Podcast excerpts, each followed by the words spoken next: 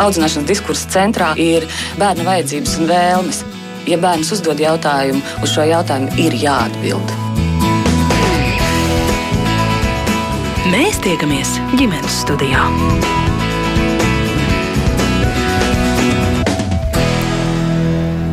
Jā, laba diena! Radījums ģimenes studijas sāk savu skanējumu. Jūs sveicina radījuma producente Ilza Zvaigznē un mans vārds ir Agnese Linka. Šogad ir palielinājies to bērnu skaits, kuri cietuši no seksuālas vardarbības un izvarošanas. No seksuālās vardarbības šogad cietuši 50 bērni, kas ir par 17 vairāk nekā bērni, no izvarošanas 26, tas ir par 13 nepilngadīgajiem vairāk salīdzinot ar aizvadīto gadu. Tā liecina valsts eh, policijas pārskats. Tikmēr ar vien biežāk centrā dārdedze atskan arī zvani no kādiem satrauktiem vecākiem, pedagogiem vai, piemēram, sociālajiem darbiniekiem par to, ka mm, bērni mājās vai skolā ir piedzīvojuši vecumam neatbilstošas seksuālas darbības no kāda cita bērna puses. Un tas izrādās nav retums. Proti, pētījumi liecina, ka katrā trešajā bērnu seksuālās izmantošanas gadījumā pāri darītājs ir cits nepilngadīgais. Tāpēc šodien gribam runāt par to, kas ir kaitējoša seksualizēta bērna uzvedība, kā to pamanīt, atpazīt un par ko tā vispār liecina. Kā kaitējoša seksualizēta uzvedība atšķirt no normālas bērna seksualitātes attīstības un kāpēc to nedrīkstētu atstāt bez ievērības, un galu galā, kā ko tādu pamanot reaģēt pieaugušajiem. Par to tātad saruna šodien ģimenes studijā, un tajā piedalās centrs Dardedze psiholoģis Indija dziedātāja. Labdien! Labdien! Arī valsts probācijas dienesta probācijas programmu nodaļas vadītāja Kristas Kāra kopā ar mums ģimenes studijā šodien. Labdien! Labdien! Un valsts policijas krimināla izmeklēšanas pārvaldes psiholoģa Dace Landmane pievienojas mums attālināt. Labdien, Dace! Labdien! Arī jūs, klausītāji, kā Allaž, esat aicināti pievienoties šai sarunai, ja rodas kāds e, komentārs, pieredze, jautājumi mūsos klausoties, tad droši atrakstiet ģimenes studijā no Latvijas radio mājaslapas un e, centīsimies arī jūsu teikto iekļaut e, šai sarunā. Es sākšu ar jautājumu, Sintija, jums, kas ir kaitējoša seksualizēta uzvedība un kāpēc centrs Dārdedze tieši šobrīd šo tematu aktualizē? Mm -hmm.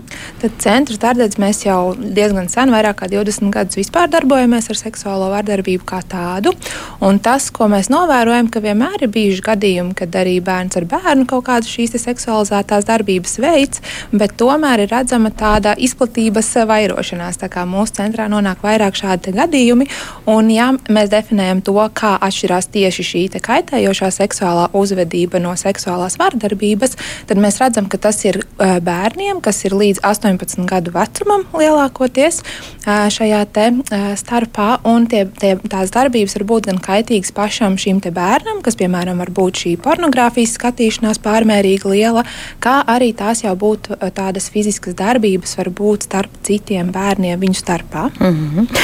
Jūs sakāt, gadījumu skaits vairojas, tāpēc mudinat par to runāt skaļāk, vai ir arī versijas par to, kāpēc šo gadījumu skaits vairojas? Ko mēs zinām vispār no teorētiskās literatūras, ka ir ļoti dažādi iemesli un riska faktori, kas to veicina. Bet eh, tas, kam ir jāpievērš uzmanība šajā laikā, ir tas eh, viens no riska faktoriem, kas ir patiesi šī pornogrāfijas attīstība. Un jo agrīnāk bērni piekļūst šiem pornogrāfisku satura materiāliem, jo arī vairāk ir tas risks, kad kaut kas tāds varētu būt. Tas nenozīmē, ka tas būs, bet uh, tas ir viens no šiem riska faktoriem. Pornogrāfijas izplatība. Jā. Jā. Uh, tā tad es saprotu, ka vardarbību no kaitējošas seksualizētas uzvedības būtībā nošķir tas, vai veicējs ir vai nav pilngadīgs. Tieši tā. Jā. Jā. Ko šajā skaidrojumā, definīcijā gribētu varbūt eh, papildināt kolēģis, kam piekrītat, kam varbūt iebilstat, Dace? Uh, nu jā, nu, No mūsu perspektīvas tad uh, nu, nav nekāds jaunums, ka nepilngadīgie uh, seksuālu raksturu darbības pret citu nepilngadīgo. Uh, Bet, ja kaitējoša seksuāla uzvedība ir tāds teorētisks koncepts, kurā ir apkopot dažāda, dažāda veida un dažāda līmeņa bērnu seksuālā uzvedība, kur varbūt sākās no normālas līdz riskantai, bet arī līdz pārkāpumam, tad tie, kas nonāk pie mums, nepilngadīgie, ja mēs runājam 14 plus gadi, tad man ir jāvērš uzmanība, ka šie ir tādi arī ļoti vardarbīgi noziegumi, par ko liecina izmeklēšanas dati. Un vienmēr tas ir tādu dzimumu instinktu vadīts, bet arī varas un kontrolas noziegumi. Tā kā, nu, gribētu, nu, lai arī negribētu to skaļi teikt, tad šie noziegumi, ko pastrādā nepilngadīgie, arī ir ļoti vardarbīgi un vērsti pret otru nepilngadīgā pazemošanu un iznīcināšanu. Nu, vismaz tie dati, kas mums ir pieejami un redzami. Mm. Krista, varbūt ko papildināsiet? Uh, nu jā, probācijas dienests, valsts probācijas dienests jau ir uh, tā institūcija, kur nonāk šie bērni un jaunieši, kuri jau ir saņēmuši tiesas piespriesto sodu un kuri ir sasnieguši šo sodāmības vecumu, kas ir 14 gadi. Mm -hmm. un, jāsaka, um, mūsu skaitļos tā, kā, tā tendence, ka vairāk bērnu un jauniešu vispār nonāk probācijas uzraudzībā, nav saskatāma. Ja paskatos pēdējos nu, 3-4 gadus, vairāk viņi kā, nepaliek. Bet jā, es piekritīšu kolēģiem, ka tur, kur ir runa par pornogrāfisku raksturu materiālu skatīšanos, tātad to, ka bērns nu, piekļūst šiem materiāliem, zinot, ka nu, viņš nav sasniedzis šo atļautu vecumu, lai to skatītos. Un otrs arī, ka paši mēģina, nu, es neteikšu, izgatavot pornogrāfiju, bet nu, nu, filmē visu kaut ko, nezinot, mm. kā to sauc, bet mēs to saucam par pornogrāfisku raksturu materiāliem. Nu, tā ir tā, tā otra daļa arī, kas, kas pārsvarā nu, nu, saņem šo kriminālu sodu un nonāk probācijas dienestā. Protams, kā kolēģi jau minēja, ir daļa arī, kur ir tiešām šie kontaktā noziegumi, kur ir nu, tāds konkrēts cietušais bijis, mm -hmm. bet tie arī ir salīdzinoši nu, mazs ir tas skaitlis, bet, protams, kad ir. Mm. Vai jūs katra no savām profesionālajām pozīcijām skatoties un katra ar savu pieredzi, pēc tās vadoties, varētu paraksturot, kā tas notiek? Kādas ir tipiskākās tās kaitējošās seksualizētās uzvedības situācijas, Sindī? Ja mēs varbūt sāktu ar stāstiem par tādiem pavisam maziem mm -hmm. bērniem. Pavisam mazi bērni, nu tā apkopojot tā vispārīgi, protams, tas var būt piemēram bērnu dārza vidē, kad arī tās pašas dakteru spēles vai ķermeņa iepazīšanas spēles var aiziet pārāk tālu un kādam bērnam nodarīt pāri, un viņa arī šiem te intīmajām vietiņām var nodarīt pāri. Un vēlākā laikā jau patiesībā arī skolā ir tās toaletes slavenās, kur varbūt daudz informācija arī par to ir, kad arī mobbing situācijas un dažādas citas notiek šajā vidē, tad tā arī ir tāda riska vide skolās, kur var notikt arī šādas darbības. Mm. Un tas jau ir vairāk tiešām tā kontakta veidā, kad bērni viens otram aiztiek dzimumu orgānus. Reizēm arī var būt tā, ka vēlās, piemēram, zēni, lai viens otram palaizītu šos krāniņus. Tā kā tiešām tādā ļoti fiziskā veidā tas notiek. Un bieži vien kāds no tiem bērniem to īsti līdz galam nav vēlējies. Mm -hmm. nu jā, tad man jājautā, cik tālu ir pārāk tālu. Jūs teicāt, dakteru rotaļas aiziet pārāk tālu, bet tas ir kaut kas tāds, nu, tā ir bērnu dārza klasika spēles daktaros. Kur tad ir tā robeža? Eh, cik grūti vai viegli to ir nošķirt? Es nezinu, vecākiem, tiem pašiem bērnu dārza pedagogiem, kur tā ir normāla bērna seksualitātes attīstība un kur tā ir kaitējoša seksualizēta uzvedība. Mm -hmm. To mēs varam redzēt tā, ka, piemēram, tas ir normāli, kad piecgadnieki iepazīst arī citus ķermeņus. Nu, paskatās, kad puišiem tur ir kaut kas cits apakšā un meitenēm kaut kas cits, un viņi to paraugās. Bet uh, tas risks pastāv tur, ka, piemēram, ja pieaugušais ir redzējis, nu, ka bērni paskatās viens otram tos, uh, šīs intīmās vietas, norāda, ka to nevajadzētu darīt, tad bērni to arī lielākoties neturpina. Nu, viņi ir iepazinuši, kā mēs zinām, bērni apmierina savu ziņkārību, un tad viņiem baigi arī nekas vairāk neinteresē. Bet uh, tas risks pastāv tajās situācijās, ka viņiem tomēr turpinās tā ziņkārība, viņi mēģina varbūt skatīties vēl citiem bērniem un jau sāk arī tā aktīvāk pieskarties, piemēram, šīm vietām un e, iesaista tādās rodaļās, kā jau es iepriekš minēju, kas var nodarīt arī jau tādu nu, fizisku kaitējumu bērnam. Mm -hmm. Dāce, kā jūs teiktu, kur tās robežas ir velkamas, ja runājam jau par lielākiem bērniem? Nu, no valsts policijas tā tās robežas tā ir strikti novilktas, jo to, ko mēs vērtējam, saņemot informāciju, vai šajā informācijā ir noziedzīga nodarījuma pazīmes, Tas nozīmē, ka katra konkrētā darbība krimināla likumā ir atrunāta, Un tad mēs to vērtējam no trīs dažādām, var teikt, trīs grupās nosacīts. To var iedalīt tā informācija, kur potenciālais vainīgais ir bērniņš, kas sasniedz 14 gadu vecumu, kas ir tās darbības, ko viņš veicis. Tad ir bērni, kas sasnieguši 11 līdz 14 gadu, kad mēs runājam par audzinošu rakstura līdzekļiem. Tad tās būs viena, viena lieta, kā mēs izskatīsim šīs lietas. Un tad ir attiecīgi bērni līdz 11 gadu vecumam, Un tas kritērijs mums ir, protams, krimināla likums, kritērijas attiecībā pret darbībām, kuras tad darbības ir krimināli sodāmas, kuras nav. Un es gribētu teikt, ka līnija ir pārkāpta tad, kad bērniņš dara tās darbības, kas krimināla likumā ir atrunātas kā sodāmas darbības. Un, nu, protams, ka mēs kā valsts policija priecātos, ja mūsu nepilngadīgo likuma pārkāpēju skaits šajā jomā mazinātos, Bet es piekrītu Kristē, ka pēc būtības mēs neredzam tādas klājas tendences, ka šie skaitļi pieaugtu. Tad no 14 līdz 18 gadiem tiek skaitļi, tur, kur personas tiek atzītas pēcdomās turētajiem nepilngadīgie, tur attiecīgi tas skaitlis nemainās no 11 līdz 14 pie audzinoša rakstura. Arī es domāju, ka nē, es precīzi nepateikšu, bet līdz 11 gadiem mēs šādu informāciju saņemam. Es pieļauju iespēju, ka tas ir, kā jau centra darbības pārstāv teica, saistībā arī ar šo pornogrāfisku materiālu pieejamību, kur bērni grib izmēģināt un pārbaudīt kaut kādas darbības. Tas ir saistīts arī ar ģimenes vidi. Ja ģimenes vidē nav strikti noteikts intimitātes robežas un bērni viņas nu, paši neievēro savā savstarpējā saskarsmē, nu, šādi iesniegumi nu, var būt kaut kādi nedaudz vairāk pieaug. Nu, principā, saņemot šo informāciju, mēs izvērtējam kontekstu, pie kādiem apstākļiem tas ir noticis. Ja mēs runājam par maziem bērniem, tas ir noticis izglītības iestādē vai kādā citā institūcijā, tiek vērtēta konkrēti arī atbildīgā persona, kurā šis bērniņš ir uzticēts, vai viņa ir bijusi informēta un visu mēģinājusi novērst. Tā kā pieejam šīm situācijām ļoti komplicēti, individuāli izvērtējot, kas tur ir īsti noticis. Bet, kā jau minēju, mēs priecātos, ja būtu rīks kāds, kas varētu preventīvi novērst šos gadījumus, lai šī robeža netiktu pārkāpta. Vai jūs, ja es lūgtu, arī varētu paraksturot, kādas ir tās tipiskās situācijas katrā šajā vecuma grupā, runājot par tiem gadījumiem, kas nonāk jūsu redzeslokā? Nu, gatavojoties šim raidījumam, tad panelizēju pēdējos divus gadus, kuru mums ir nepilngadīgi atzīti par aizdomās turētiem. Tas nozīmē, ka ir bijis pamats uzskatīt, ka savāktā informācija ir pretlikumīga. Un priekš manī tas bija pārsteigums, ka jāsaka, ka lielākoties tomēr šie nepilngadīgie ir izdarījuši dzimumu noziegumus reālajā vidē, nevis internetā.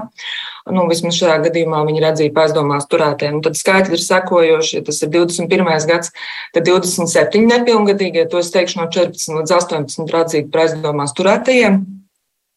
Un, attiecīgi, tikai par internetu noziegumiem tās ir 11 personas. Noziegumi nav pastrādāti tikai 21. gadā. Valsts policija dažādā laika periodā saņem iesniegumus, līdz ar to tas ir tādā iepriekšējā laika periodā. Bet ko es vēl vēršu uzmanību, ka nepilngadīgais, nu, kur atzīst par aizdomās turēto, viņam vajadzēja būt kaut kādām uzvedības izpausmēm pirms tam, jo nav tā, ka viņš ir tikai nofotografējis so savu klases biedru un pārsūtījis šo bildi kādam citam. Mēs varētu tā domāt, nu, viņam tā nejauši gadījās, ai, ai, ai. Bet tur nāk arī klāt tas, ka viņš viņu ir aizskārs vai arī kāds seksuāls netiklas darbības veids attiecībā par šo nepilngadīgo. Tā kā nav tā tāda viena lokāla darbība. Nu, tas par tādiem bērniem no, no 11 līdz, līdz šiem 18. Bet šajā grupā es teikšu, ka ir arī tādas pārpratumi vai neskaidras lietas, nu, kur, piemēram, nepilngadīgie stājās dzimuma attiecībās, tur 16, 15 gadīgi jaunieši, un pēc šīm dzimuma attiecībām, nu, tad viens uzskata, ka tās ir bijušas labprātīgas, otrs uzskata, ka šīs attiecības nav bijušas labprātīgas, un, un ir viens vārds pret otru vārdu, nekāda vardarbība nav bijusi. Nu, arī šādas situācijas ir. Mēs, protams, vēlētos, kad, un arī mēs turpināsim izglītot jauniešus par to, ka savu kailbildu atbildes sūtīšana ir likuma pārkāpums, un izprasīt arī citam jaunietim, kā atbildi arī ir likuma pārkāpums. Un arī pārsūtīt tādas bildes, kas ir aizliegts aktu pornogrāfija, arī ir likuma pārkāpums, lai nebūtu pārsteigums. Jo nu, ir daļa jauniešu, kuriem motivācija nav dzimuma instinkta apmierināšana. Mazākiem bērniem, kā jau darbības pārstāve arī minēja, šī daktarīšu spēle, kas kaut kādā brīdī pārkāp robežas, un arī tajos brīžos, kad tās robežas ir pārkāptas tika minēts par krāniņu laizīšanu, es teikšu, ka šī robeža ir stipri pārkāpta un ir jājautā, nu tā vairs nav daktarīša spēle. Šeit būtu jāsaprot, kas tur īsti ir noticis un ļoti kon, nu, kontekstuāli izvērtēt šīs konkrēto situāciju. Tas ir ļoti būtiski, lai laicīgi netiktu stigmatizēts viens vai otrs nepilngadīgais un mazs bērns. Jā.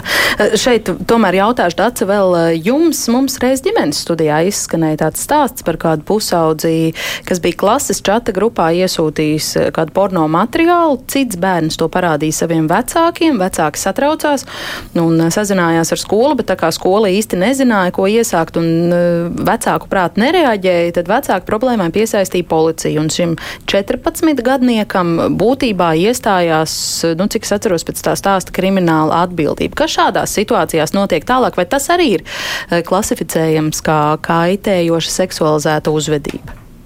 Nu, mēs kā policija neklasificējam kā kaitējušu seksuālu uzvedību. Mēs uh, skatāmies, vai tas ir likuma pārkāpums vai nav. Uh, nu, tas noteikti terapijā ir svarīgi saprast, kādi bija tie motīvi.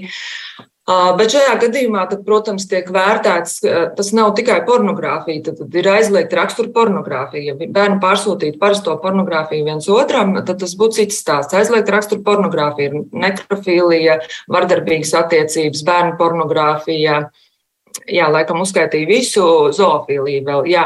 Ja šajā bildes pārsūtīšanā būs kāda no šiem attēliem, tad attiecīgi tas ir likuma pārkāpums, jo pārsūtīt nevar. Bet tad arī ir interesanti runāt ar šo jaunieti, vai tas bija joks, kāpēc viņš pārsūtīja, jo tas nav pirmais gadījums.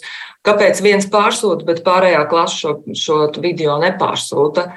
Kāpēc viens varbūt šo video pēc tam pārmontē un ievieto publiski un kāpēc otrs nē. Bet tas būtu tālāk jau stāsts, kas tā, strādās ar šo ģimeni un ar šo bērnu. Jā, bet pie Latvijas tā būs likuma pārkāpums un draudēs sots. Jā. Krista, kuri ir tie gadījumi, kad iesaistās šādās situācijās valsts probācijas dienests? Nu, kā mēs pirms ēta runājam, jums tiek tas smagais gals. Kas un pie kādiem nosacījumiem nonāk jūsu redzeslokā? Nu, tur papildinot daci, tad, kad policija ir um, atradusi. Nu, šo vainīgo personu, ir, ir šis sastāvs noziegumam, kur tad ir skaidrs, jā, nu, par pornogrāfiju jau Dārts minēja, tā, tad, tad tā ne tikai pornogrāfijas rakstura materiāli, bet tur ir, ir šī aizliegtā pornogrāfija, vai, vai, vai pieņemsim, nu, ir konstatēts, ka nu, bērns jaunietis pats ir filmējis un piespiedzis kādu filmēties pornogrāfiski satura materiālos, nu, tad uh, tiesa lemj, ko darīt ar šo, ar šo bērnu jaunieti, kādu sodu viņam piemērot. Un tad, ja viņš nonāk probācijas dienestā, tad viņš nonāk pie, pie, pie probācijas dienas speciālista, kas tālāk izskata šos lietus materiālus, ir skaidrs, cik ilgi bērns būs, pieņemsim, probācijas uzraudzībā, un tad veido šo te arī izvērtē riskus un resursus šim jaunietim un veido šo darbu plānu ar viņu, kas ir tie resursi vēl, kas ir jāpiesaista. Iespējams, tiešām ir vajadzīga kāda speciālista palīdzība, jo ļoti bieži jā, nu, tie jaunieši pie mums atnāk nu, ar kompleksām lietām, ar, ar traumas pieredzi, ar kādām atkarībām. Un tad nākot sociālās, piemēram, grūtības, kad grūtības skolā vai, vai kaut kādas ģimenes problēmas. Un tad probācijas dienestam ir jāspēj aptvert, ieraudzīt visas tās jomas, īpaši, ja runa ir par ne, nepilngadīgu personu, un tad veidot plānu kārtām strādāt. Un tur mums ir arī atsevišķi. It, sevišķi tais gadījumos, kuros bērni veic seksuālu raksturu pārkāpumus, mums ir atsevišķi darba instruments, kas sauc starpinstitūciju sanāksmes, uh, kur sanākam kopā profesionāļi, kas ir bijuši šajā lietā iesaistīti un kas varētu nest kaut kādu labumu, eh, lai tas jaunietis nekad vairs neko tādu neatkārtotu. Mm. Ja kāds resursu personis arī var piedalīties šajās sanāksmēs, lai tad izveidotu konkrētu rīcības plānu, mm. ko šajā gadījumā darīt. Mm. Jo... Ja es jūs lūgtu tā īsi paraksturot, kāds ir tas probācijas process šādos gadījumos, kas tajā plānā, nu, kas tur varētu būt iekšā? Nu, tas process jaunietis vai bērns jaunietis atnāk ar likumisko pārstāvus probācijas dienestu, iepazīstas ar šo probācijas speciālistu. Mm -hmm. Tad īsāk tas, ko jūs ar viņu darat? uh, nu, tad ir tāds ļoti um, plašs, pierādījumos balstīts riska vajadzību novērtēšanas instruments. Tātad nevis mēs vienkārši izdomājam, ko mēs tagad darīsim, bet ir atsevišķi standartizēts instruments, kur caur intervijas veidā, dokumentu pētīšanas veidā mēs izvelkam ārā resursus, riskus. Uh, un tad uh, ja, kā jau minēju, tas ir smags pārkāpums bijis un nepilngadīgais, tad tā būs starpinstitūciju sanāksme, kur mēs sasēžamies pie galda, pieņemsim bāriņtiesa, policija, probācija. Tikpat labi var klāt būt dārdedze, kāda skolotāja. uh, nevalstiskās organizācijas, jebkas, kas, kas varētu palīdzēt tajā gadījumā. Un tad mēs meklējam, kā tas bērns ir aizgājis līdz šim pārkāpumam un ko tālāk darīt, kas mums ir jādara, lai, lai sabiedrība būtu drošībā un lai pats bērns būtu drošībā. Konkrētas lietas, pieņemsim, ir jāpalīdz skolā kaut kas nokārtot, tātad skolas atbildība ar termiņu, ir jāpalīdz sakārtot, nezinu, dzīves vietas kaut kādi jautājumi, tātad nu, sociālais dienests ar termiņu, ja ir atkarība, tātad mēs varam piesaistīt arī narkologu un pajautāt narkologam, ko viņš redz, kā šim jaunietim palīdzēt, vai, vai kādu programmu, vai, vai, vai, vai kādu vienkārši konsultāciju. Un tad um, jaunietim arī probācijas dienestā ir speciāla programma, kas ir uzmanība gatavības starts, kas ir izveidota jauniešiem korekcijas programma, kurā arī viņi var iesaistīt, lai viņš saņemtu grupas jau ietvaros atbalstu, mācītos sociālās prasmes un arī veicinātu to izpratni, nu, kā viņš ir nonācis probācijas dienestā. Nevis lai viņu sodītu, bet lai nu, tādu cēloņu seku sakarību saprastu. Un viss ir tendēts, kā, lai veicinātu tiešām to sabiedrības drošību mm -hmm. un lai jaunietim tā dzīves kvalitāte nu, uzlabotos. Tātad arī viņš priekš sevis tādu kaitējumu vairs neizdarītu. Jo nokļūt krimināla soda izpildes sistēmā, tas ir liels kaitējums, ko jaunietis priekš sevis ir izdarījis. Mm -hmm. Ja. Es aizskrēju drusku savai izdomātajai struktūrai pa priekšu, bet eh, nu, tiešām interesanti ir tas, ko jūs stāstat. Vēl viens jautājums, varbūt eh, Krista ar Daci eh, vienu otru papildinot, var izstāstīt, vai tas būtu tā maldīgi un stereotipiski domāt, ka kaitējošu seksualizētu uzvedību pret citiem bērniem vērš nu, jau skolas vai pusauģu vecumā, vai, vai vēl pēc tam vērš tādi bērni, kas nāk no sociālā riska vidas, no sociāli nelabvēlīgām ģimenēm ģimenēm un apstākļiem. Vai tas būtu maldīgi? Tas ir liels stereotips. Man kaut kā uzreiz gribās to teikt, mm. ka tas ir liels, liels stereotips, un tā tas noteikti nav. Mm, Dace? Uh, nu, es gribētu teikt, nu, ka tādai uzvedībai vienmēr ir biopsihosociāli faktori. Ja? Un, uh, katram, katrs, katrs šis nepilngadīgais, kurš dara šādu uzvedību, viņam ir šie faktori kaut kā saslēdzās tieši tādā virzienā, un tie stāsti ir daudz un dažādi. Un, un, un, un reizēm izmeklēšanā piedaloties kā psihologam, var izsekot līdzi, kā tas viens faktors ir saslēdzies ar otru, un kāpēc šī uzvedība ir tāda, kāda viņa ir. Tas nav stāsts tikai par nelabvēlīgām ģimenēm. Nu, ja, piemēram, nu, ne, tas atkal būs stereotipi, bet ja ģimenē, kurā neievēro tādas intimitātes robežas, tur, protams, kad ir risks, bet ja šo risku saliek kopā ar vēl kaut kādiem personības faktoriem, kas ir bērnam, tad visticamāk viņam šīs bremzes nebūs un viņš tās intimitātes robežas neievēros arī kaut kur citur. Patiesībā katrs gadījums ir unikāls, un katrā gadījumā tam nepilngadīgam, kurš šādu uzvedību dara, ir kaut kā saslēgušies šie faktori kopā. Un tas uzdevums ir pamanīt laicīgi un novērst. Un es ļoti priecātos, ja, ja KSU palīdzētu mums šos riskus laicīgi pamanīt un novērst un samazināt šos nepilngadīgos, kas veic tādu riskantu uzvedību, kas ir tādu uz robežu, bet arī tos nepilngadīgos, kur pastrādā jau smagus un sevišķi smagus noziedzīgus milzīgs nodarījums. Mm, Cindī, jūs mājat ar galvu. Vēl par šo stereotipizēšanu.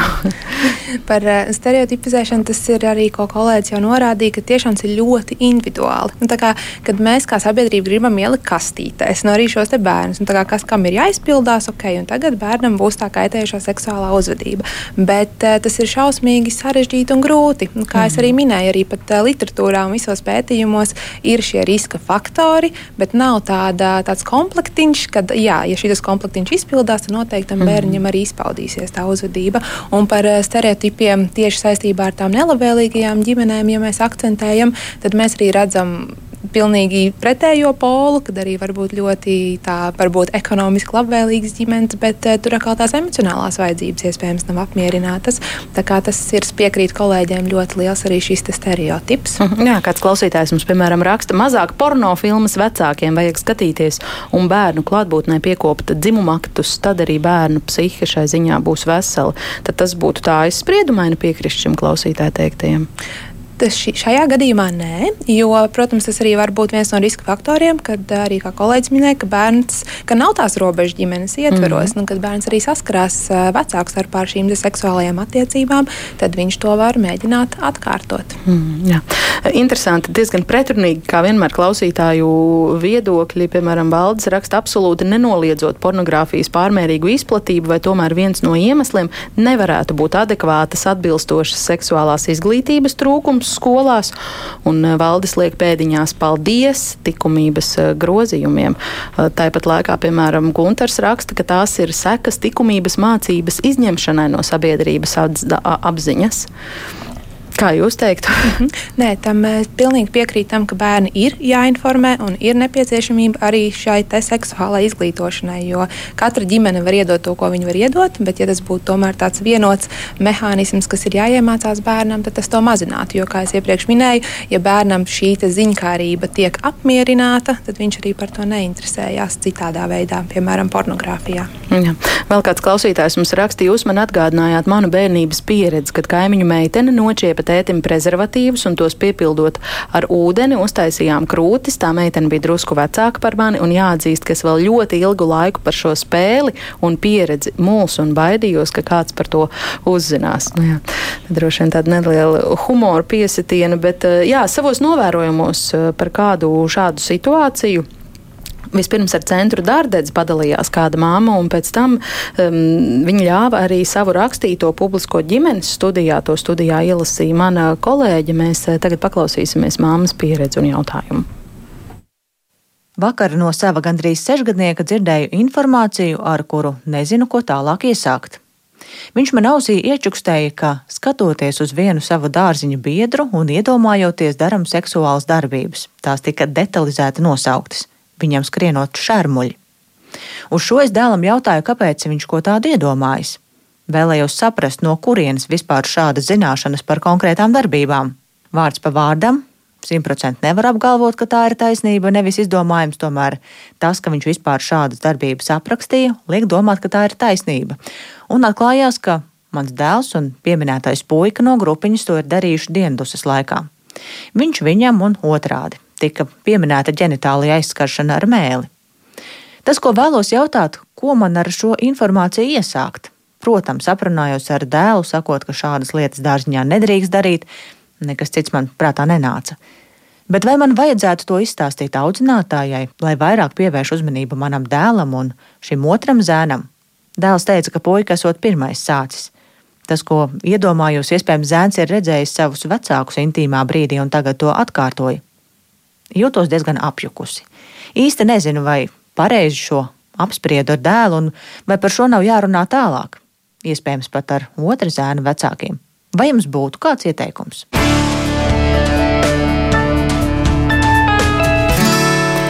Jā, es atgādināšu, ka ģimenes studijā mēs šodien runājam par to, kas ir kaitējoša seksualizēta bērnu uzvedība, un šai sarunā piedalās centrs Dārdedze psiholoģis Indija dziedātāja, valsts probācijas dienestu pārstāvu Krista Skara, bet valsts policija psiholoģi Dace uh, Landmanē. Kādu komentāru par mammas uh, stāstīto jautāto Indiju?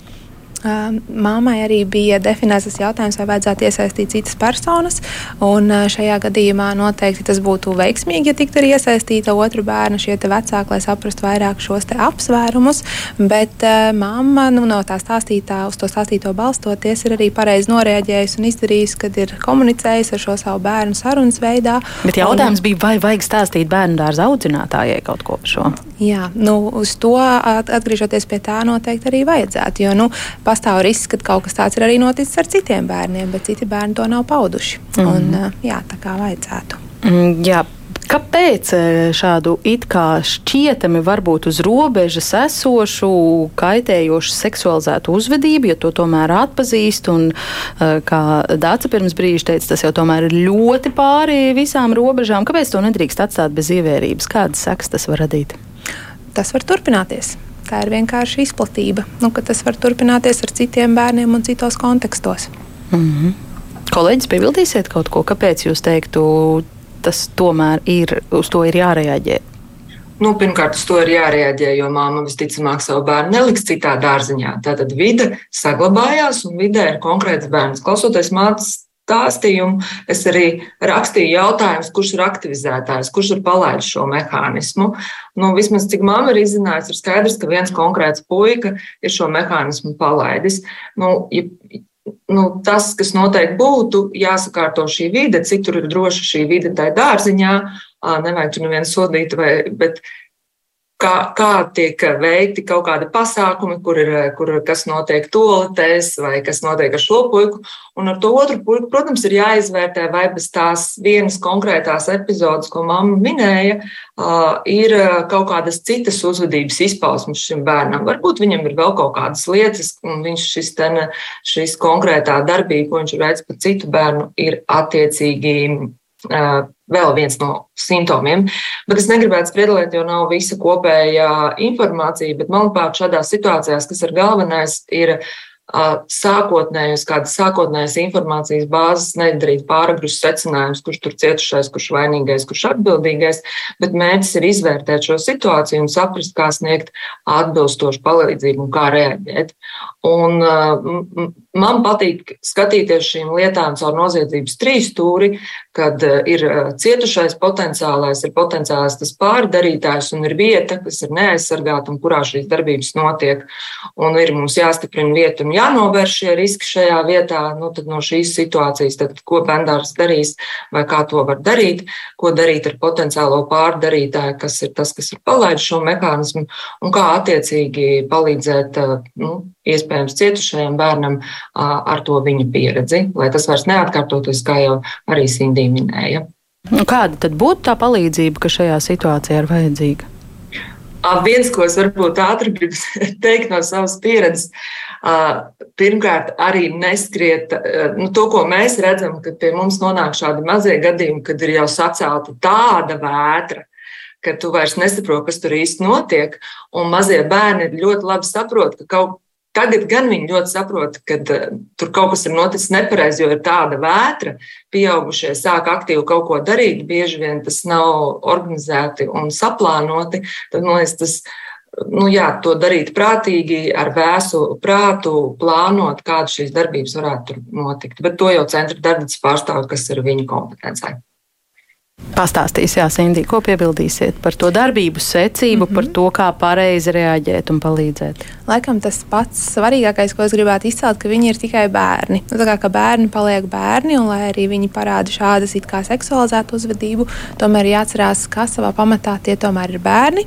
Un tas arī, ko mēs redzam no ārzemju pieredzes, ka vislabākais tomēr tas scenārijs ir, ka tiek iesaistītas dažādas šīs vides, kas ir gan šie vecāki, gan audzinātāji, un arī, kā kolēģi jau minēja, par šo vietas faktoru. Tā kā viss tas tādā lielā komandā un lielā patiesībā arī ieguldot darbu no pieaugušo puses, būtu kopā jānāk un jāstrādā pie tā gadījuma. Un, un arī individuāli skatoties, ko darīt tiešām dārziņā, ko darīt ģimenē, kas to ir arī rosinājis. Mm. Tur būtu droši vien vēlams saskarties ar atsaucību no pedagoģu puses vai pirmsskolas izglītības iestādes vai skolas puses. Mm -hmm. Jā, noteikti. Eh, vajadzētu šo atsaucību, un liela daļa no šīm iestādēm ir atsaucīgas, bet, protams, ir arī tādas iestādes, kam tā ir tāda tabū tēma, un tā risināšana var būt grūtāka. Mm. Kristis, saskaraties ar tādām? Eh, man, man vienkārši gribās tā mammai pateikt, tā mamma ir malacis, rīkteiks, jo, jo nu, tā mēģināt saprast un uzdot bērnam jautājumus, man liekas, tas ir pirmais solis. Tas, ko arī Dāce teica, nu, nestrept karstu. Tie ir tikai, tikai bērni. Jā, darbības ir pārkāpušas visas robežas, bet iztaujāt bērnu, ah, tas, tas, un māma ir uzzinājusi tik ļoti daudz ko. Un tad nākošais, nu, ko, ko mēs kā, kā māmas vai kā tēti varam darīt, tad uh, to savu bērniņu nu, iemācīt. Man liekas, ko brīnišķīgi dara Džims drošības skoliņā, darbdedzē. Tad, uh, kad tu vari pateikt, nē, nu labi, pirmajā reizē nu, tev visticamāk pašam bija interesanti, kas tur notiek. Un arī bērni nenodarbojas ar seksu. Viņi pēta, ir nu, interesanti, ir kaut kas jauns. Un tad iespējams, ka uh, ja ir tas apmulsums, tad tomēr bērnam tas nepatīk, kas arī ir pilnīgi skaidrs. Nepatīk, tad ok, šeit tu saki, ka nē, un tu vari teikt skaļi nē. Tu vari pateikt, ka man šī tas nepatīk, un tu vari arī skaļi pasaukt audzinātāju, pieņemsim. Nu, tās ir tādas pamatlietas, ko, man liekas, māma jau arī brīnišķīgi ir darījusi. Ne, nevajag tā kaut ko sarežģītu domāt, bet sākam kaut ar to savu bērniņu pasargāšanu. Lai viņš iemācās pateikt nē, lai viņš iemācās kaut ko roku nolikt priekšā, lai ne, netojās viņam. Un tad, jā, tad, protams, ir jārunā ar bērnu audzinātāju. Arī pieņemot, ka tur arī var pacelties ļoti augsts stresa līmenis, bet vienkārši nu, kaut vai palūgt, nu, pieskatiet, kam īstenībā tam, tā arī būtu jābūt, kad arī nu, diendusiņu laikā bērni tiek tomēr pieskatīti. Bet mēs varam padot šo ziņu, ka, nu, ziniet, varbūt vienu reizi audzinātāji nu, aizgāja atpūsties arī mazliet, bet kad jāpieskat, tomēr jāpaskatās, ko tie bērni dara, ka tur kaut kas var pārkāpt robežas. Nu, tas tāds pamatlietas pasolītim, tā kā iet iet uz priekšu. Jā, net, netaisot tādu lielu katastrofu, jo tad baigi, man liekas, ļoti grūti risināt šīs situācijas. Mm -hmm. Jā, vēl kādas eh, mammas pieredze mūsu ziņojumu monitorā, mūsu e-pastā. Pirms kādu laiku pamanīju, ka mājas datorē Google vēsturē parādās tādi meklējumi kā plikas meitenes, lieli dibeni un tam līdzīgi. Pie tam ar bērniem raksturīgajām drukas kļūdām eh, gribēju pārunāt ar dēlu, kas viņu interesēs, pastāstīt, ka šādā ceļā viņš nonāks pie savam vecumam ļoti neatbilstošu satura materiāliem, mēģināt viņam paskaidrot, kas ir pornogrāfija. Diemžēl puika no sarunas kategoriski atteicās, teica, ka viņš neko tādu nav meklējis un skatījies, reaģēja ļoti emocionāli, pat sāka raudāt, kaut mēģināja runāt par to mierīgi. Aizdomājos, varbūt kāds no vienaudžiem vai vecākiem draugiem varētu būt pamācījis viņu, ko iedrukāt meklētājā, varbūt arī eh, parādījis kaut ko no porno. Tā tas toreiz arī palika dziļāk neapspriests, bet domāju, kādu iespēju tas varētu būt atstājis un kā agri vai vēlu pie šādas situācijas vai sarunas būs eh, jāatgriežas. Cik tipiski lieliska šāda ilustrācija, un ko jūs ieteiktu konkrētajiem vecākiem? Tas ir, tas arī notiek, tas ir savā ziņā tipiski, kas var būt. Bet eh, tas, ko es ieteiktu, noteikti arī mammai tomēr mēģināt šo sarunu atsākt un informēt to bērnu varbūt ne tieši saistībā ar pornogrāfiju, jo visi uztais tādu bumbu tieši par pornogrāfiju, bet pornogrāfija nav vienīgais saturs, kas ir izskanējis šajā interneta vidē. Tā kā noteikti par tiem interneta riskiem būtu jāpārunā un, eh, jā, un arī tādu mierpilnu attieksmi tomēr jāmēģina piekļūt šim bērnam. Mm -hmm. Aivars eh, vaicā, kā domāt vai attiekties pret gadījumiem, kad vecākiem bērnu uzvedība liekas pārāk seksualizēta, bet pats bērns to uztver ļoti lietišķi. No vienas puses gribas uzvedību mainīt, bet no otras puses eh, tā darbība rada problēmas tikai vecākiem un negribētos radīt bērnā kauna sajūtu vai radīt kaut kādus kompleksus. Nu, šeit, diemžēl, gan nav detalizētāk izskaidrots, kāda ir tā uzvedība, kas bērnam šķiet pašam lietišķa, bet vecākiem eh, pārāk seksualizēta, vai mēs varam kaut ko atbildēt arī šim klausītājam?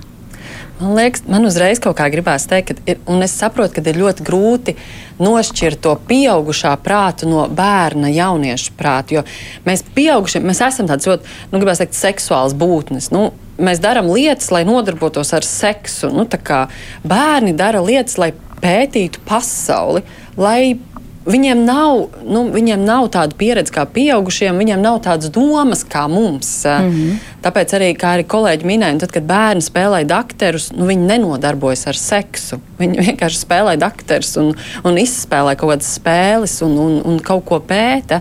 Tā kā mazliet jā, jāpadomā, kas ir. Vai mēs redzam tur to, kas tur ir, vai mēs caur savu prizmu vienkārši satraucamies par kaut ko, kas varētu notikt. Un tad jau pietiek ar bērnu pārunāt nu, nu, drošības lietas, drošības jautājumus. Es tur varu fantāzēt, jā, kas ir tas, kas bērnam liekas tāds lietišs. Man pirmais, kas nāk, ir kaut kāds ģērbšanās stils, varbūt pusaudzis. Nu, izģērbšanās, piemēram, tipiski, jā, kas jā. dažiem vecākiem liekas, nu, nu, nu, kā tā var divgadnieks kails pludmalē, bet uh, citiem mm. tas liekas pilnīgi dabiski. Nu, es nezinu, es tagad minu. Kaut ko piebildīsiet vēl, Dārta? Vēlties varbūt komentēt? Man liekas, ka eh, tāda uh, seksuāla, nu, kā tas tur teica, teica izaicinoša vai kā tā uzvedība. Uh, galvenais jau viens arī tāds kriterijs, vai tas traucē viņam vai apkārtējiem un rada apdraudējumu tam bērnam.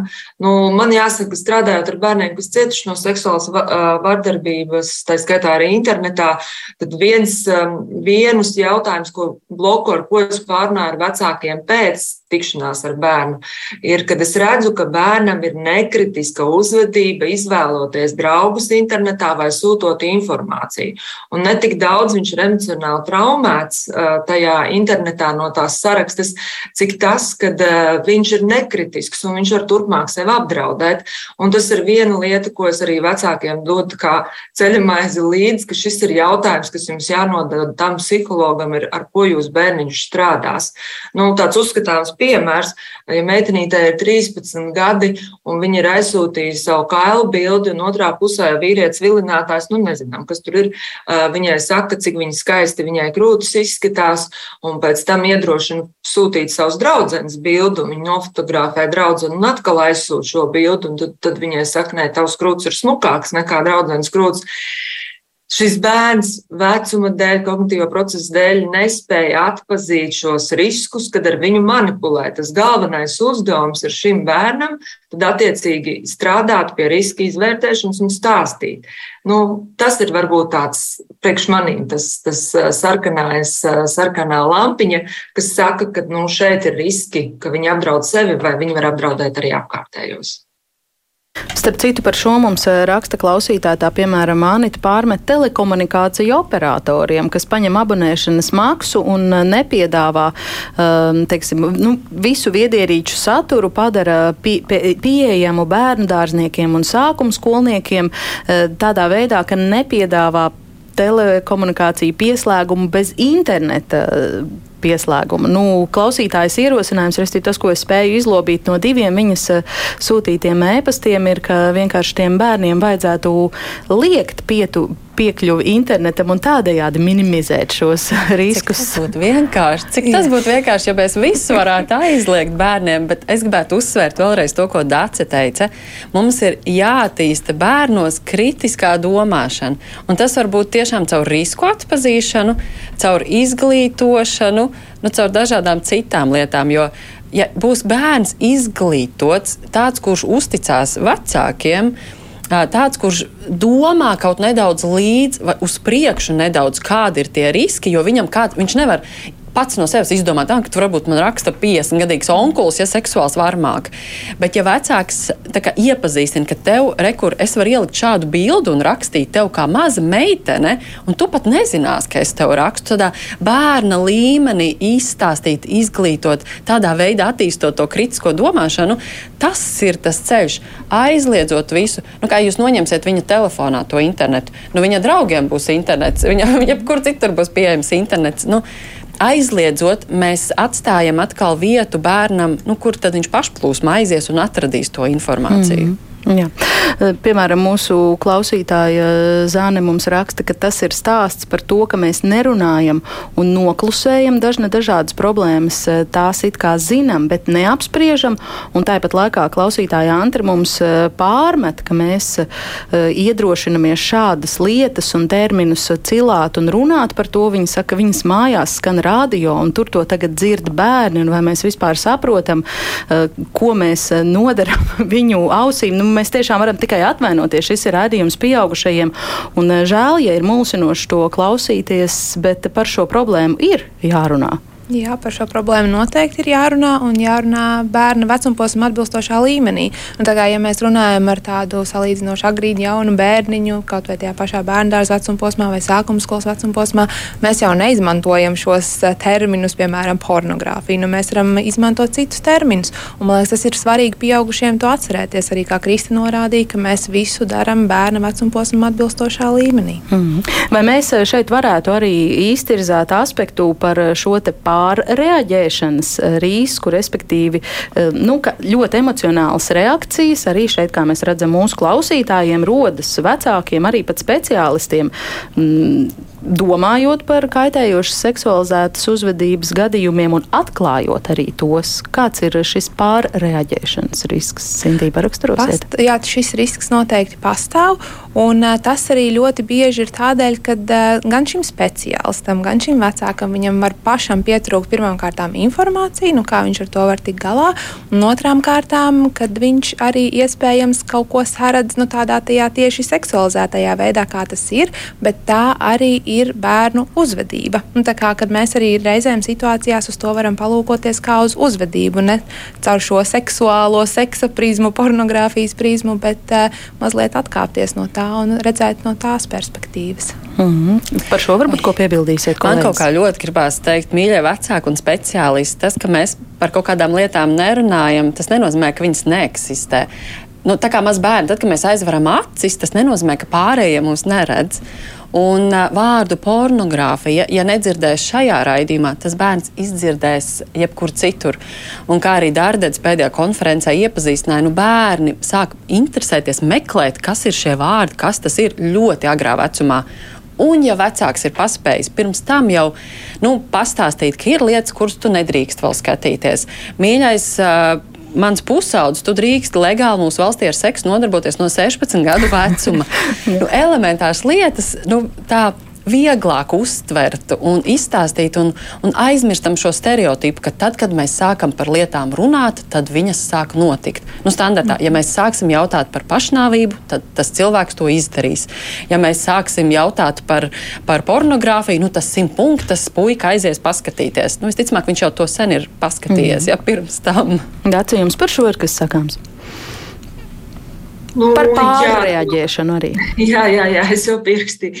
Par pārreaģēšanu, nu, to, ko mēs redzam, kad ir tā, tad, kad kaut kas ir noticis, nu, ir dažādas variācijas, kas tur ir noticis, tad, kā jau minēju, ļoti aktīva darbošanās notiek. Un tad, kad tā aktīvā darbošanās notiek, nu, kā jau minēju, tie bērni uztraucās vairāk nekā no nodarījuma. Bet, nu, protams, ir jāskatās, kas tas par nodarījumu tur ir. Tā arī ir tāda viena lieta, kas pēc tam ietekmē arī to, kā bērni, bērns jūtās. Nav jau tā, ka tikai tas notikums ietekmē, ļoti daudz ietekmē tas, kas notiek pēc šī notikuma.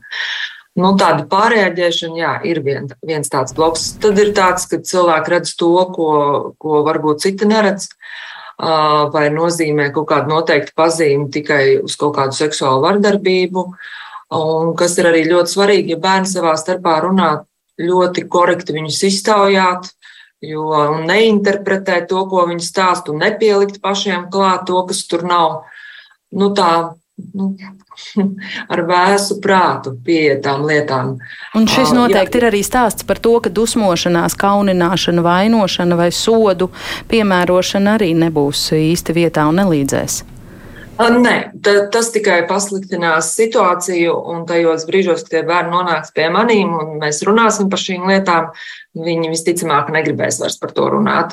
Nu, tad viņi arī jau to arī pasaka, kad pirms tam ar viņu ir runājis viens, otrs, trešais, un, un līdz justies vainīgiem, viņš par šo te negribēs vairs runāt.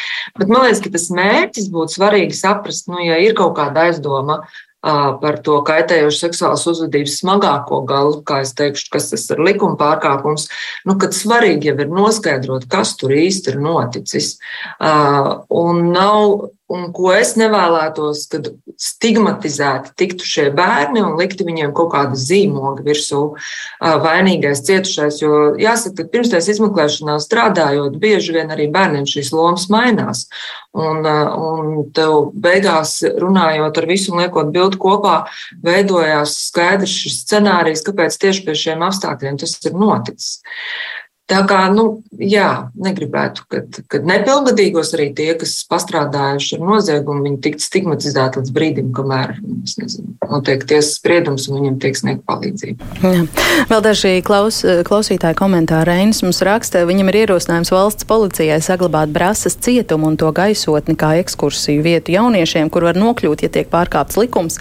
Viņš raksta, ka viņš zina vairākus cilvēkus, kas ir atzinuši, ja jaunībā būtu e, nojausma, kur var nokļūt pārkāpt pārkāpjot likumu, viņi būtu rīkojušies savādāk. Manuprāt, tas jauniešiem varētu dot reāli ieskatu, cik sliktā vidē var nokļūt, ja rīkojas tā, kā nedrīkst. Un mm, klausītājs Jānis ir sašutis eh, par, eh, nu, droši vien pārprastu šeit eh, raidījuma laikā dzirdēto frāzi - krimināla atbildība par vienkārši satura linka pārsūtīšanu. Vai mēs ejam uz Orvela pasauli, turpināsim stāstīt bērniem pekstiņus par to, ka bērnus atnes stārķis. Es ar bērniem lasu enciklopēdijas, un, protams, viņus interesē, kā rodas mazuļi arī skatoties dokumentāls dabas filmas, nevajag vairīties no dabiskām lietām un domāt kaut kādus pēkstiņus. Arī mani puikas vecumā interesēja redzēt kailas meitenes, un nekas slikts no tā nav noticis. Nu, jāprecizē Jāņa sirdsmieram, ka par vienkārši kailu meiteņu pārsūtīšanu nevienam krimināla atbildība neiestājās, ne? Mm -hmm. Jā, jā, es arī no savas puses vēlreiz eh, gribu vērst uzmanību, lai neveidojas kaut kāda stereotipa. Tātad, ja nepilngadīgie, pirmkārt, vecākam ir atbildīgi, lai bērniem, tad, eh, tiem, kas ir sākuma skola, pirmskolas vecumā, nebūtu pieejami pornogrāfiski materiāli, tas ir viņa atbildība, kādas filtrus viņi liek vai neliek savam datoram. Bet, protams, nevar nokontrolēt, ka bērni savā starpā apmainās ar dažādām kailbildēm, bet vēršu vēlreiz uzmanību. Ja tie nepilngadīgie savā starpā runā par seksuālām tēmām vai pārsūta nu, pornogrāfisks materiāls vai erotiska rakstura materiāls, kuri nav aizliegta satura, viņam par to krimināla atbildība neiestājas. Krimināla atbildība tad tiks vērtēta, vai noziedzīgs nodarījums ir noticis tajos gadījumos, ja bērni datu nesējā un viņš būs pārsūtījis cita bērna kailfoto Ja tur būs atrodams vardarbīgas attiecības, nu, kur par, tiek ņirgāts par bērniem, vai spīdzināts kaut kas, vai zoofīlija, vai nekrofīlija, citos gadījumos nekāda krimināla atbildība neiestāsies. Nu, kā, bet tas nav rosinājums aktīvi pārsūtīt viens otram bildes. Hmm. Tas ir vienkārši vēršot skaidrību, nu, lai mazinātu stereotipus. Mums arī bija interesanti, un mēs ģimenes studiju izveidojām nelielu aptauju saviem Facebook konta sekotājiem, kur jautājām, vai viņi ir saskāršies ar situāciju, ka viņu bērniem kāds ir demonstrējis pornogrāfiskus materiālus, un tad ļoti plaša diskusija gan tur neizvērtās, bet dažos komentāros vecāki atzina, ka šis eh, ir novērots. Ehm, tā piemēram, Dāce raksta, ka pirmajā, trešajā klasē tā bija ikdiena, sevišķi ar pornogrāfijas demonstrēšanu telefonā visiem klases biedriem, aizrāvās pāris meitenes, līdz tam, kad audzinātāji pieķēra pagarinātajā grupā un detalizēti informēja vecākus, bet tad šo bērnu mammas neticēja un noliedza. Mm, bet eh, manam tika izskaidrots, kas, kāpēc, kāpēc nav ok, ka citi rāda šādus materiālus nevis pats meklē, bet eh, tā jau vispār ir sena problēma. Nebija interneta, bija vecākiem nospērti žurnāli jau 90. gados, tikai tās tolaik nebija pirmās, otrās klases eh, meitenes, bet eh, plus, desmit plus gadus veci zēni biežāk. Un arī mūsu klausītāja konsekotāja Nāla raksta, ka šobrīd skolās saltus ir no, nomainījusi pornogrāfija. Puikas 5. līdz 7. klasē caur WhatsApp dalās ar saitēm, iesaka viens otram, kā meklēt. Family Link bērna datorā šo diemžēl nebloķē. Es to atklāju, skatot vēsturi datorā, ko bērns ir darījis, bloķēju konkrētās saites, pārunāju ar bērnu, ka šajā vecumā viņam šis saturs ir traumējošs, bet tā nav problēma tikai mūsu skolā. Mm. Nu, tāda varētu būt tā reālā situācija. Jā, un te arī gan tas tēvs, kurš varbūt bija mazliet pārprats, jā, gan, gan, gan šie stāsti, nu, te ir tādi sakarīgi pieaugušie, kuri ir gatavi būt klātesoši tam bērnam, kopā skatīties encyklopēdiju, kopā izpētīt cilvēku ķermeni. Nu, mums jau agrīn bērnam ir jāmācās, kā sauc viņu ķermeņa daļas, kaut vai elementāri, un ar ko atšķirās puikas no meitenēm. Un tas viss ir jādara, un ja tas vecāks ir gatavs pastāstīt, ka kaut vai šis ir ok, šis nav ok, šos materiālus tu vari skatīties, un šis ir tavam vecumam neatbilstoši un traumējoši kolosāli. Mm -hmm. kolosāli. Mm -hmm. Varbūt pavisam ātri mēs eh, varam eh, vēl arī pēdējos dažus komentārus nolasīt. Ilzi iesaka visiem tiem vecākiem, kur vēlās bērnus atvienot no interneta, vienkārši dot viņiem izmantot viedos pulksteņus vai arī podziņu telefonus vietāluņu eh, vietā. Un Anete vēlreiz pārjautā, lai būtu viss skaidrs lieliem burtiem, ja bērni spēlējas, piemēram, dakteros un viņiem tas patīk, kurā brīdī tas vairs nav normāli. Un tad, ja tas notiek pārmērīgi bieži un pārmērīgi daudz, jo, nu, kā jau iepriekš minēju, ja, ja tas bērns, piemēram, to veids vienu reizi un viņš ir apzinājies savu ziņkārību un to apmierinājis, tad viņš arī to principā neturpinās vairāk mm. darīt. Ja. Un tad to par kaitējošu seksualizētu uzme, uzvedību bērnu vecumā mēs nesauksim. Jā, tieši tā. nu, man pienācis laiks teikt paldies par sarunu ģimenes studijā tās dalībniecēm. Šodien šeit Klātienē viesojās centrs Dārdedze, psiholoģis Indija dziedātāja un valsts probācijas dienesta probācijas programma nodaļas vadītāja Krista Skara. Atālināti saslēdzāmies ar valsts policijas krimināla izmeklēšanas pārvaldes psiholoģiju Daci Landmani un par raidījumu tapšanu šodien rūpējās Ilza Zvaigzne, Katrīna Bramberga un es Agnese Linka. Tiekamies arī podkāstos, mobilajā lietotnē un ģimenes studijas sociālos tīklos. Vislabāk un uz sadzirdēšanos!